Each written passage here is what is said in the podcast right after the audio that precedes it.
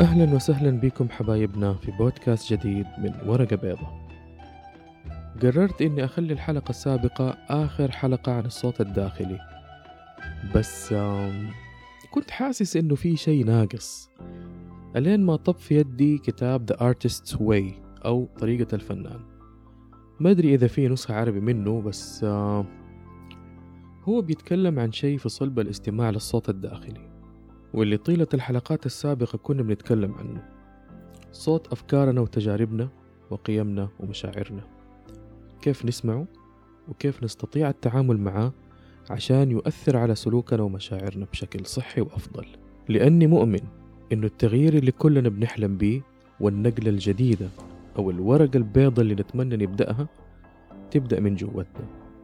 ولأني مؤمن إني لكي أبدأ شيء جديد لابد إني أغير الطرق والأساليب القديمة اللي كنت أستخدمها عشان أعيش حياتي.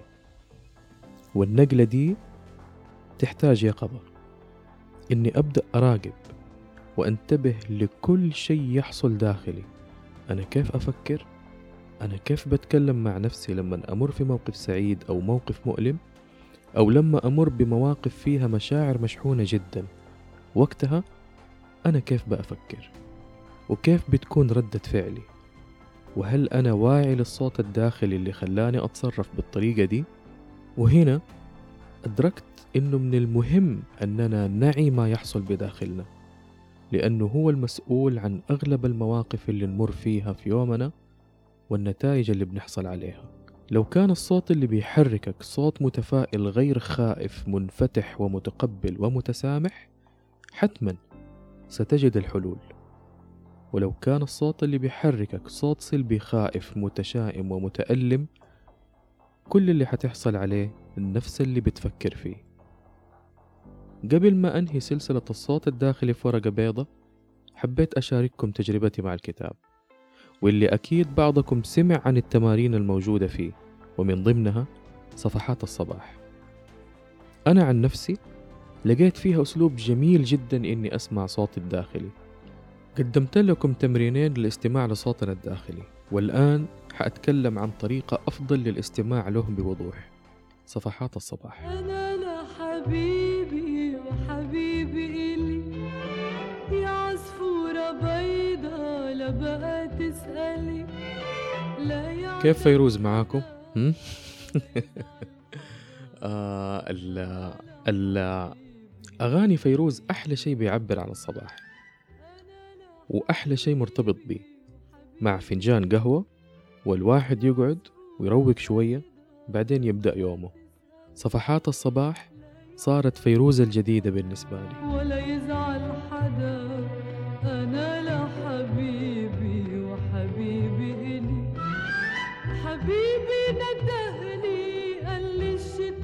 قبل فترة انتشر في ال social media موضوع صفحات الصباح بمبادرة من المدونة نوف حكيم وعن تجربتها في تطبيق تمرينات هذه الصفحات.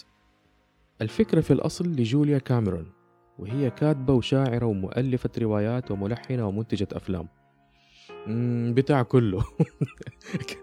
كانت إنسانة إبداعية وهذا هو بيت القصيد. في كتابها طريقة الفنان أو The Artist Way اللي تم نشره لأول مرة عام 1992 تكلمت عن اكتشاف المبدع الموجود داخل كل إنسان. وإحنا في ورقة بيضة عبرنا عنه بالمعنى أو الغرض من الحياة واكتشاف الحياة الخاصة بينا.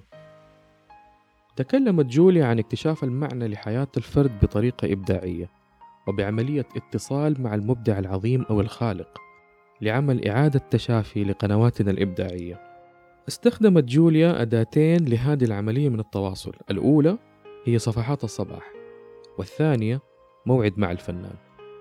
ووضعت برنامج لمدة 12 أسبوع لإزالة كل الحواجز أو البلوكس اللي بتعيق التواصل مع ذواتنا وعمل استعادة للحواس الموجودة فينا.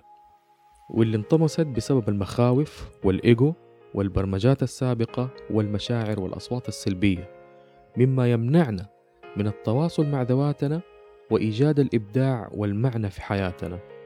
وكل أسبوع توجد تمارين وتطبيقات قائمة على صفحات الصباح لاستعادة حواس تحتاج إلى تنشيط من جديد. هذه الحواس ال 12 هي الإحساس بالسلامة الإحساس بالهوية الإحساس بقوة الغضب الإحساس بالنزاهة الإحساس بحدود الإمكانات الإحساس بالوفرة الإحساس بالإتصال الإحساس بقوة البقاء. الإحساس بالتراحم الإحساس بالحماية الذاتية الإحساس بالاستقلال وأخيرا الإحساس بالإيمان. خليني أشرح لكم الآن طريقة كتابة صفحات الصباح. صفحات الصباح بتعتمد على الكتابة الصباحية أول ما تصحى وقبل عمل أي نشاط حيث لا يزال الدماغ محتفظ بأحلامه وأحداث اليوم السابق ولسه ما أنشغل بالتفكير في أحداث اليوم الجديد. هي بس ثلاثة صفحات. وما هي بالضرورة تكون أوراق كبيرة الحجم. الغرض من الصفحات الثلاثة هو الالتزام بالكتابة أول ما تصحى. ليش؟ بيعمل تصفية للدماغ من الأفكار ويكون مستعد ليوم جديد. طيب إيش نكتب في الصفحات؟ آه حقيقة لا توجد أي شروط للكتابة. لا شروط أدبية ولا لغوية ولا فكرية ولا حتى أخلاقية. أكتب كل ما يأتي في بالك. يمكن تكتب إنك ما أعرف إيش أكتب. أكتب. يمكن تتذمر من الاستيقاظ المبكر أو من شخص. أكتب. ربما تريد أن تشتم أحد. أكتب. ما في أحد حيقرأ الصفحات دي غيرك. في الواقع أنت ما حتقراها. حتكتب وتطبق الورقة أو تقفل الملف وتحفظها لوقت آخر. أكتب كل ما يجول في خاطرك وإنت قاعد تكتب. أفكار إيجابية أفكار سلبية مخاوف أفكار تأتي فجأة وتقطع سياق شيء قاعد تكتبه. أكتب كل ما يدور في ذهنك من غير رقيب ومن غير تفكير. ومن غير ما يقول لك أي صوت في داخلك إنك بتكتب شيء غلط أو صحيح أو يعاتبك أو يأنبك أو يسخر منك. كل ما تكتبه مهما كانت سخافته أو جماله أو صوابه أو خطأه يعتبر مهم وجميل لأنه بيعبر عنك أنت. هذا صوتك الداخلي الآن. يمكن تلاحظ أن اللي بتكتبه سلبي جدا وغاضب وحائر. تابع الكتابة. أنت الآن بتدرك كل دي الأصوات السلبية اللي بتوقف عائق بينك وبين حقيقتك المبدعة وبتشوفها قدامك. حتوصل فترة بعد كم يوم تلاحظ تكرر كتابة بعض الأشياء اللي بتضايقك. عقلك اللاواعي وقتها حيسأل لمتى حفضل أتذمر وأنزعج من هذا الشيء؟ وسيظهر الصوت الداخلي الإيجابي اللي حيدور على الحلول. أثناء الكتابة نحاول إننا ما نسمع صوت العقل أو صوت المنطق وهو في هذه الحالة صوت سلبي ناقد يحاول يملي عليك إيش تقول وإيش تفكر ويحسسك باللوم أو الذنب إذا كتبت شيء غلط أو غير مقبول. هذا الرقيب المقيم في الفص الأيسر من الدماغ تلاقيه حيقول لك بين كل فكرة وفكرة أنت تسمي دي كتابة أنت ووجهك أنت راضي على الدراما اللي أنت قاعد تكتبها؟ في رأيك لو واحد شاف المشاكل اللي قاعد تشتكي منها حيسامحك أو يتقبلها منك؟ أنت مبسوط من الأفكار اللي في مخك دحين؟ هذا الرقيب أو الصوت السلبي بيفكر بطريقة منطقية على حسب المعرفة الموجودة لديه وبالتالي أفكارك الأخرى بتمثل له خروج عن منطقة الراحة اللي حتسويه إنك تتجاهله وما تسمع له.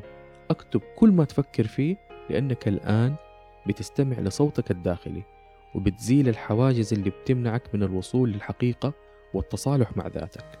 كل ما تكتبه حتى لو كان يحتوي على فوادح وأخطاء هو جزء منك.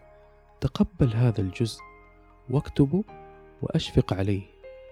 أنت تستحق هذا الحب والتقبل. اسمح بكل مشاعر الخوف والشك والسلبية. فقط أكتب. يمكن يكون مزاجك سيء للكتابة ومالك نفس تكتب. معلش أكتب. لما تدخل في مود الكتابة حتلاقي نفسك تكتب. أهم شيء خلي يدك تكتب وتتحرك وتمارس سلوكيات الكتابة. ووقتها الدماغ حيتجاوب مع هذا السلوك ويفرغ كل ما فيه من أفكار. حتى لو ما كان عندك أي كلام تقوله غير أنا طفشان وما أعرف إيش أكتب أكتب. فقط أنجز الثلاث صفحات. ولا تستمع لصوت العقل المنطقي اللي بيحاول يصحح أفكارك اللي بتكتبها أو بيلومك عليها أو بيسخر منها. كيف نستخدم صفحات الصباح في ورقة بيضة؟ زي ما أنتم عارفين برنامج ورقة بيضة بيعتمد كثير على الصوت الداخلي لزيادة الوعي الذاتي صفحات الصباح أفضل أداة تخلينا نتواصل مع هذا الصوت والحوار أثناء كتابتنا لصفحات الصباح الثلاثة كل يوم وبطريقتها الصحيحة إحنا كده بنكتب ما نسمعه من صوتنا الداخلي. بس آه لو كسرنا إحدى قواعد جوليا اللي هي عدم قراءة الصفحات وقريناها حنقدر نستخرج الصوت السلبي والصوت الإيجابي زي ما عرفنا في حلقات ورقة بيضة السابقة. فقط لو استيقظنا في وقت أبكر من المعتاد بنصف ساعة واشتغلنا على كتابة صفحات الصباح بالطريقة اللي ذكرناها نكون استمعنا لصوتنا الداخلي. واكتشفنا فين الصوت الإيجابي وفين الصوت السلبي.